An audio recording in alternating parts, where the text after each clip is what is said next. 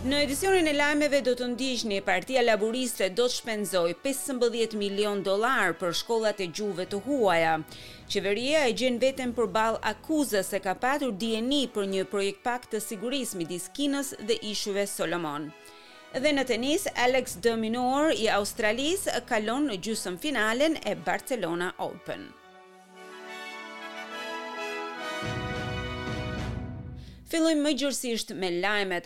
Partia Laboriste ka shpallur një politikë të re për të dhënë pesëmbëdhjetë milionë dollarë gjatë tre viteve të ardhshme, dollarë të cilët do të shkojnë për të financuar klasat e gjuhëve të huaja në shkollat e gjuhëve të komuniteteve të ndryshme.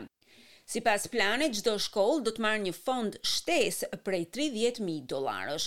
Ministrja federale e Arsimit në opozitë, Tanya Plibersek, i tha ABC News Breakfast se në mbarë Australinë aktualisht ka shtatëqind e tetëdhjetë shkolla të gjuhëve të huaja. They're teaching about 100,000 kids, most of them are learning a language that their parents or their grandparents spoke. Në këto shkolla mësojnë njëqind mijë fëmijë, shumica prej tyre flasin gjuhën e gjyshurve apo të prindërve të tyre, dhe kjo është një mundësi e shkëlqyer për të mësuar një gjuhë të dytë. Dihet se diçka e tillë i vjen në dobi të gjithë fëmijëve. E ne duam të sigurohemi që më shumë fëmijë janë në gjendje të mësojnë një gjuhë të dytë, e të kenë mundësi ta bëjnë këtë që në vitet e para të shkollës, tha ajo. Plibersek thotë se financimi do t'i lejojë këto shkolla që të zgjerojnë mësimdhënien për fëmijët e moshës parashkollore dhe përmendi se studimet kanë treguar se kur fëmija fillon që të mësojë një gjuhë të huaj herët, atëherë ka më shumë mundësi që në vitet e mëpasme të jetës të jetë në gjendje që ta flasë atë edhe më rrjedhshëm. Kryeministri Scott Morrison ka njoftuar se qeveria e tij nëse zgjidhet do të japë një fond prej njëzet milionë dollarësh për peshkatarët, kampistët dhe skafistët. Në një deklaratë, Morrison tha se nëse rizgjidhet, qeveria do të sigurojë më shumë se njëqind mijë projekte të reja, të cilat do të zbatohen në komunitetet bregdetare dhe rajonale të Australisë, në këtë mënyrë duke zgjeruar platformat e mbajtjes së varkave, bankinat, stacionet e pastrimit, blloqet e WC-ve për personat me aftësi të kufizuara, si dhe përmirësimin e objekteve të kampingut. Ai shton se peshkimi ka vlera për turizmin rajonal, krijon vende pune në vend, mbështet bizneset e vogla dhe ato familjare, si dhe ofron përfitime në drejtim të shëndetit fizik dhe atij mendor. Kryeministri ndodhet në New South Wales dhe pritet që të udhëtojë për në Bregun Qendror, ku dhe do të flasë për financimin prej miliona dollarësh. Ndërkohë shefi i Thesarit, Josh Frydenberg tha se ish-kryeministri John Howard do të jetë pjesë e fushatës zgjedhore të Partisë Liberale. Zoti Frydenberg i ka thënë Weekend Today në Channel Nine se zoti Howard është në dakortësi të plotë me politikat ekonomike të koalicionit. Cost of living is a major issue, national security is a major issue and he was very complimentary about. Kostoja e jetesës është një çështje madhore, siguria kombëtare është një çështje madhore dhe John Howard është më se i kënaqur rreth masave që kemi marrë në buxhet, të cilat ne i përshkruam si pjesë e planit tonë më të gjerë ekonomik dy vite më parë. Ai mbështet masat që kemi marrë në drejtim të rritjes së investimeve për bizneset e vogla, për fuqinë punëtore, për teknologjinë, Mbështet atë që po bëjmë nëpër rajone si dhe masat e reja të rritjes ekonomike. Zoti Frydenberg vuri në dukje papunësinë e ulët, rritjen e lartë ekonomike dhe shpresat për rritjen e pagave në të ardhmen. Qeveria ndodhet përpara akuzave se ka patur dijeni për një projektpakt të sigurisë midis Kinës dhe Ishujve Solomon. Nëntë gazeta kanë raportuar se shërbimet australiane të inteligjencës kishin dijeni për marrëveshjen për javë të tëra dhe kanë luajtur një rol në rrjedhjen e të dhënave në mediat sociale. Pretendimi vë kështu në pikëpyetje komentet e ministres së Jashtme Marise Payne, e cila i tha interpelancës në Senat se ajo mësoi rreth marrëveshjes vetëm pasi të dhënat dolën në internet në datën 24 mars.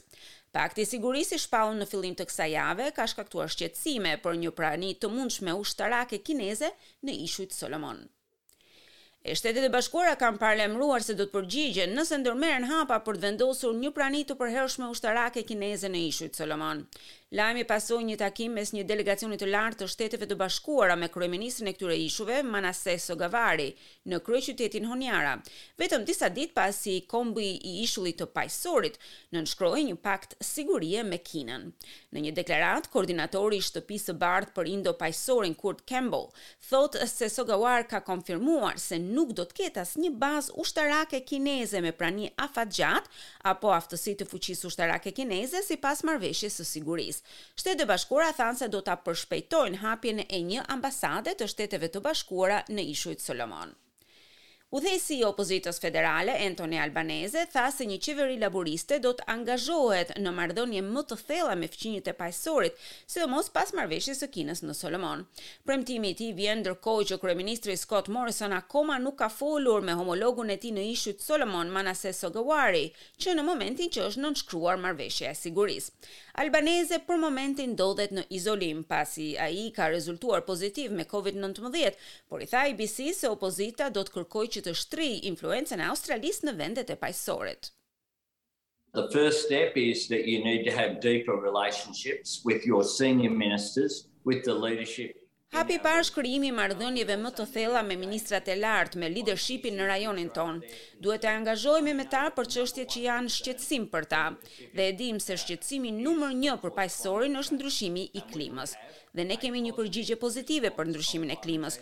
Duam të organizojmë një konferencë me palët e Kombeve të Bashkuara, së bashku me fqinjët tanë në ishujt e Paqësorit. Ministrja e Punëve të Jashtme në opozitë, Penny Wong, thotë se kryeministri duhet të kishte luajtur një rol më aktiv në parandalimin e realizimit të Paktit të Sigurisë. Por kryeministri Scott Morrison thotë se problemi është më i ndërlikuar. Ai iu përgjigj kritikave të laburistëve, të cilët thanë se ai duhet t'i kishte telefonuar menjëherë homologut të tij në ishujt Solomon. Morrison tha se nuk është e drejtë të sugjerosh se fajin për Paktin e ka qeveria australiane. These are not simple issues. I mean if it was just as easy as picking up the phone or sending a Këto nuk janë çështje të thjeshta. Dua të them, nëse ishte lehtë sa të marrësh telefonin në dorë, atëherë nuk do të kishim asnjëherë probleme. Të thjeshtosh në analiza do të thotë se nuk e ke kuptuar natyrën komplekse të forcave që janë në lojë, ose mënyrën se si qeveria kineze vepron brenda rajonit dhe rreziqet që lidhen me lëvizjet e saj, tha ai. Kalojmë në Covid nëntëmbëdhjetë. Autoritetet shëndetësore në New South Wales dhe Victoria kanë publikuar shifrat ditore të koronavirusit, si dhe rregullat e para të izolimit të relaksuar. Kontaktet asimptomatike e të rasteve të konfirmuarave me Covid nëntëmbëdhjetë në këto dy a këto shtete nuk duhet të izolohen më për shtatë ditë. Ata duhet të mbajnë maska në ambiente të mbyllura, të shmangin kontaktin me të moshuarit dhe me personat me imunitet të komprometuar, si dhe të punojnë nga shtëpia aty ku ka mundësi. Në New South Wales kontaktet duhet të bëjnë teste ditore të antigjenit, ndërsa në Victoria ata duhet të vazhdojnë të jenë negativë me testet e antigjenit për shtatë ditë rresht. New South Wales regjistroi gjashtëmbëdhjetë vdekje dhe dymbëdhjetë mijë e gjashtëqind e tridhjetë e tre raste të reja me Covid nëntëmbëdhjetë, Victoria raportoi trembëdhjetë vdekje dhe tetë mijë e njëqind e njëzet raste me infeksione. Negociatorët rusë dhe ata ukrainas kanë zhvilluar diskutime në një përpjekje diplomatike për t'i dhënë fund luftës, por ministri i Jashtëm rus Sergei Lavrov thotë se bisedimet kanë mbetur të ngecura. Është e paqartë nëse të dyja palët mund të ringjallin përpjekjet e tyre për paqe. Më shumë se tetë javë kanë kaluar që nga momenti kur Rusia filloi pushtimin e saj në Ukrainë. Në fillim të kësaj jave, Moska tha se zyrtarët e Kremlinit i kishin dorëzuar një propozim të ri me shkrim qeverisë ukrainase, por presidenti i vendit thotë se nuk e ka parë apo dëgjuar këtë lajm.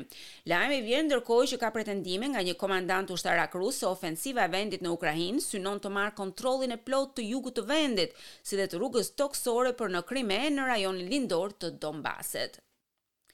Në Francë po zhvillohet dita e fundit e fushatës zgjedhore. Dy kandidatët, presidenti i qendrës Emmanuel Macron dhe liderja e ekstremit të djathtë Marine Le Pen, kërkojnë që të bëjnë kërkesat e tyre të fundit për marrjen e postit të presidentit.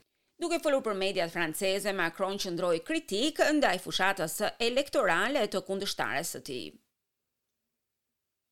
C'est ce que j'ai dit, vous avez posé une question sur le voile. You asked during the debate a question about the veil. She went from the veil to Islam, to Islamism, to terrorism and to security watch list. Ju keni bërë një pyetje gjatë debatit në lidhje me mbulesën e kokës. Ajo ka shkuar nga shamia në Islam, nga Islamizmi në terrorizëm, në listën e vëzhgimeve të sigurisë. Pra, kur dikush ka një projekt që kërkon menjëherë ndalimin e riteve fetare, shamitë në hapësirën publike, thyerjen me sekularizmin francez. Kur dikush ka një projekt që konsiston në mosrespektimin e Kushtetutës dhe rrjedhimisht në ndryshimin e tekstit kushtetues pa e respektuar atë, atëherë ai ose ajo ka dalë nga tekstet themeluese të Europës, gjë që është në kundërshtim me praktikat tona që pas Luftës së Dytë Botërore, praktika të cilat mbrojnë njerëzit të drejtën e tyre për lirinë. Kjo është e djathta ekstreme. Fituesi do të fillojë një mandat pesëvjeçar.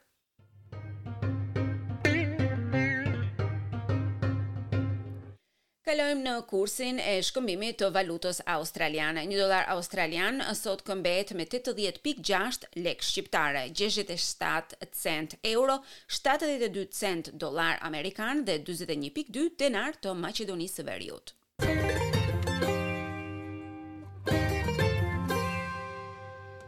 Kalojmë në sport, australiani Alex de Minaur do të luajë në gjysmëfinalen e Barcelona Open. 23-vjeçari nga Sydney mundi kundërshtarin Lloyd Harris, pasi afrikano-jugori ndërpreu lojën për shkak të një dëmtimi pas 20 minutash. De Minaur mposhti lojtarin britanik Cameron Norrie në çerekfinale me rezultatin 6-3, 5-7, 6-1.